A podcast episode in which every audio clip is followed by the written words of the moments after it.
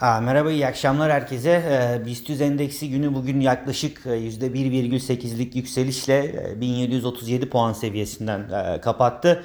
E, Günün en önemli e, gelişmesi saat 14'te açıklanan Merkez Bankası e, kararıydı. E, Merkez Bankası politika faizini 100 bas puan daha e, indirerek %15 e, seviyesine çekerken e, faiz indiriminin Aralık ayında da devam edebileceğinin e, sinyalini verdi açıklama metninde. E, karar sonrasındaki dolar e, TL'deki e, lineer yükseliş e, devam etti. E, son 3 gündür e, görülen e, kur 11.30 seviyelerine yükseldikten e, sonra an itibariyle 10.95-10.96 e, seviyelerinden e, geçiyor. E, Endeksin yükselişinde bugün e, TL'nin değer kaybından olumlu etkilenen e, şirketler ve bir ölçüde bankalar e, sürükledi. Hani Geçtiğimiz faiz indirimi kararında da benzer bir dinamik görmüştük.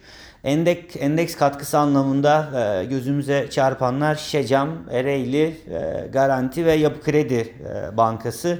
Olumsuz tarafta ayrışanlar ise Tüpraş, Emlak Konut ve Anadolu Efes var büyüklerden. E, İçeride bugün mevduat ve fon akımı e, verileri de açıklandı. E, Buna göre 12 Kasım haftasında yurt içi yerleşiklerin DTH e, mevduatı parite etkisinden arındırıldığında e, 1,5 milyar dolar arttı. Yerel piyasalarda hisse senetleri ve DIPS'e son iki haftadır giriş devam etti. DIPS devlet borçlanma senetleri.